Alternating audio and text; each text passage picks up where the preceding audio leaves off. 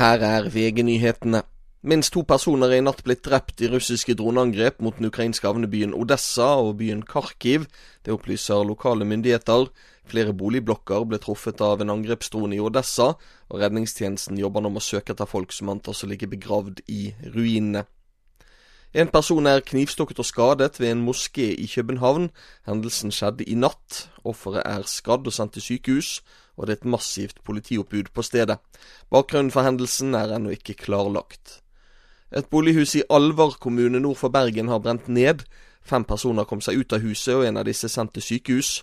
En person har status som siktet etter brannen, men politiet har ennå ikke redegjort for bakgrunnen for dette. Ikke siden unionskongen Karl 12. ble dødssyk under et Tyskland-opphold i 1872, har en norsk konge blitt hentet hjem fra utlandet.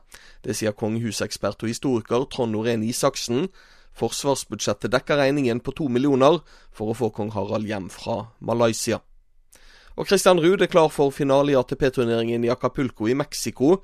Tennis-esset slo danske Holger Rune i semifinalen, og møter Alex de Mineur i finalen. I studio nå Thomas Alsaker, nyhetene får du alltid på VG.